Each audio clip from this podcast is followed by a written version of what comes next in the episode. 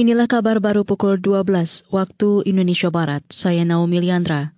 Presiden Joko Widodo menyebut dua tahun pandemi COVID-19 melanda Indonesia dan masih belum berakhir hingga saat ini.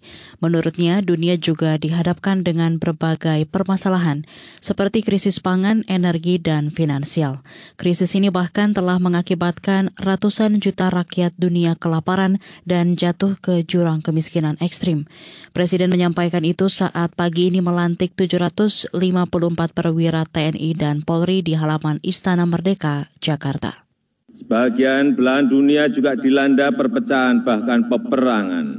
Sebagian belahan dunia dihantui instabilitas politik serta dibayang-bayangi radikalisme dan terorisme. Kita bersyukur bangsa Indonesia adalah bangsa yang kokoh.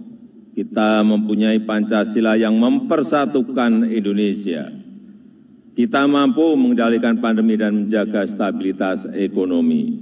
Presiden Joko Widodo juga menyebut di tengah pandemi Indonesia masih mampu menjalankan program-program baru.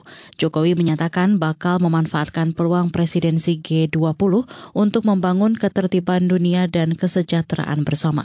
Pagi ini Presiden Joko Widodo melantik dan mengambil sumpah 754 taruna dan taruni Akademi TNI dan Kepolisian menjadi perwira di halaman Istana Merdeka, Jakarta. Saudara, KBR menyampaikan ralat terkait jumlah yang dilantik dalam kabar baru sebelumnya. Jumlah lulusan yang dilantik terdiri dari Akademi Militer sebanyak 292 orang, lulusan Akademi Angkatan Laut sebanyak 107 orang, lulusan Akademi Angkatan Udara sebanyak 109 orang, dan lulusan Akademi Kepolisian sebanyak 246 orang. Pemerintah semakin memanfaatkan peluang usaha busana muslim global. Direktur Pengembangan Ekspor Jasa dan Produk Kreatif Kementerian Perdagangan Miftah Farid mengklaim pemerintah sudah menyusun peta jalan pengembangan busana muslim nasional hingga dua tahun ke depan.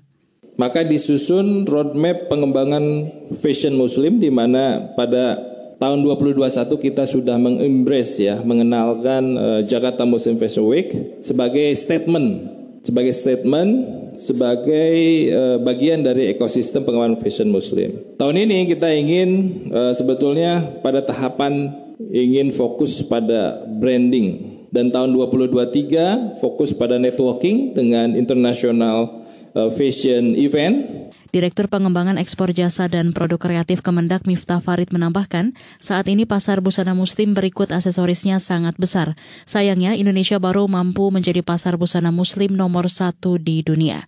Miftah berharap semua pihak ambil bagian untuk menjadikan Indonesia menyuplai busana muslim global.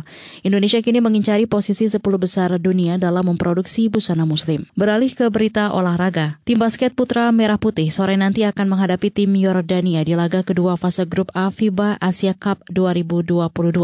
Laga berlangsung di Istora Gelora Bung Karno, Jakarta. Manajer tim nasional bola basket putra Indonesia Jeremy Santoso memperkirakan laga kedua nanti akan jauh lebih sulit dibandingkan pertandingan pertama saat menghadapi Arab Saudi.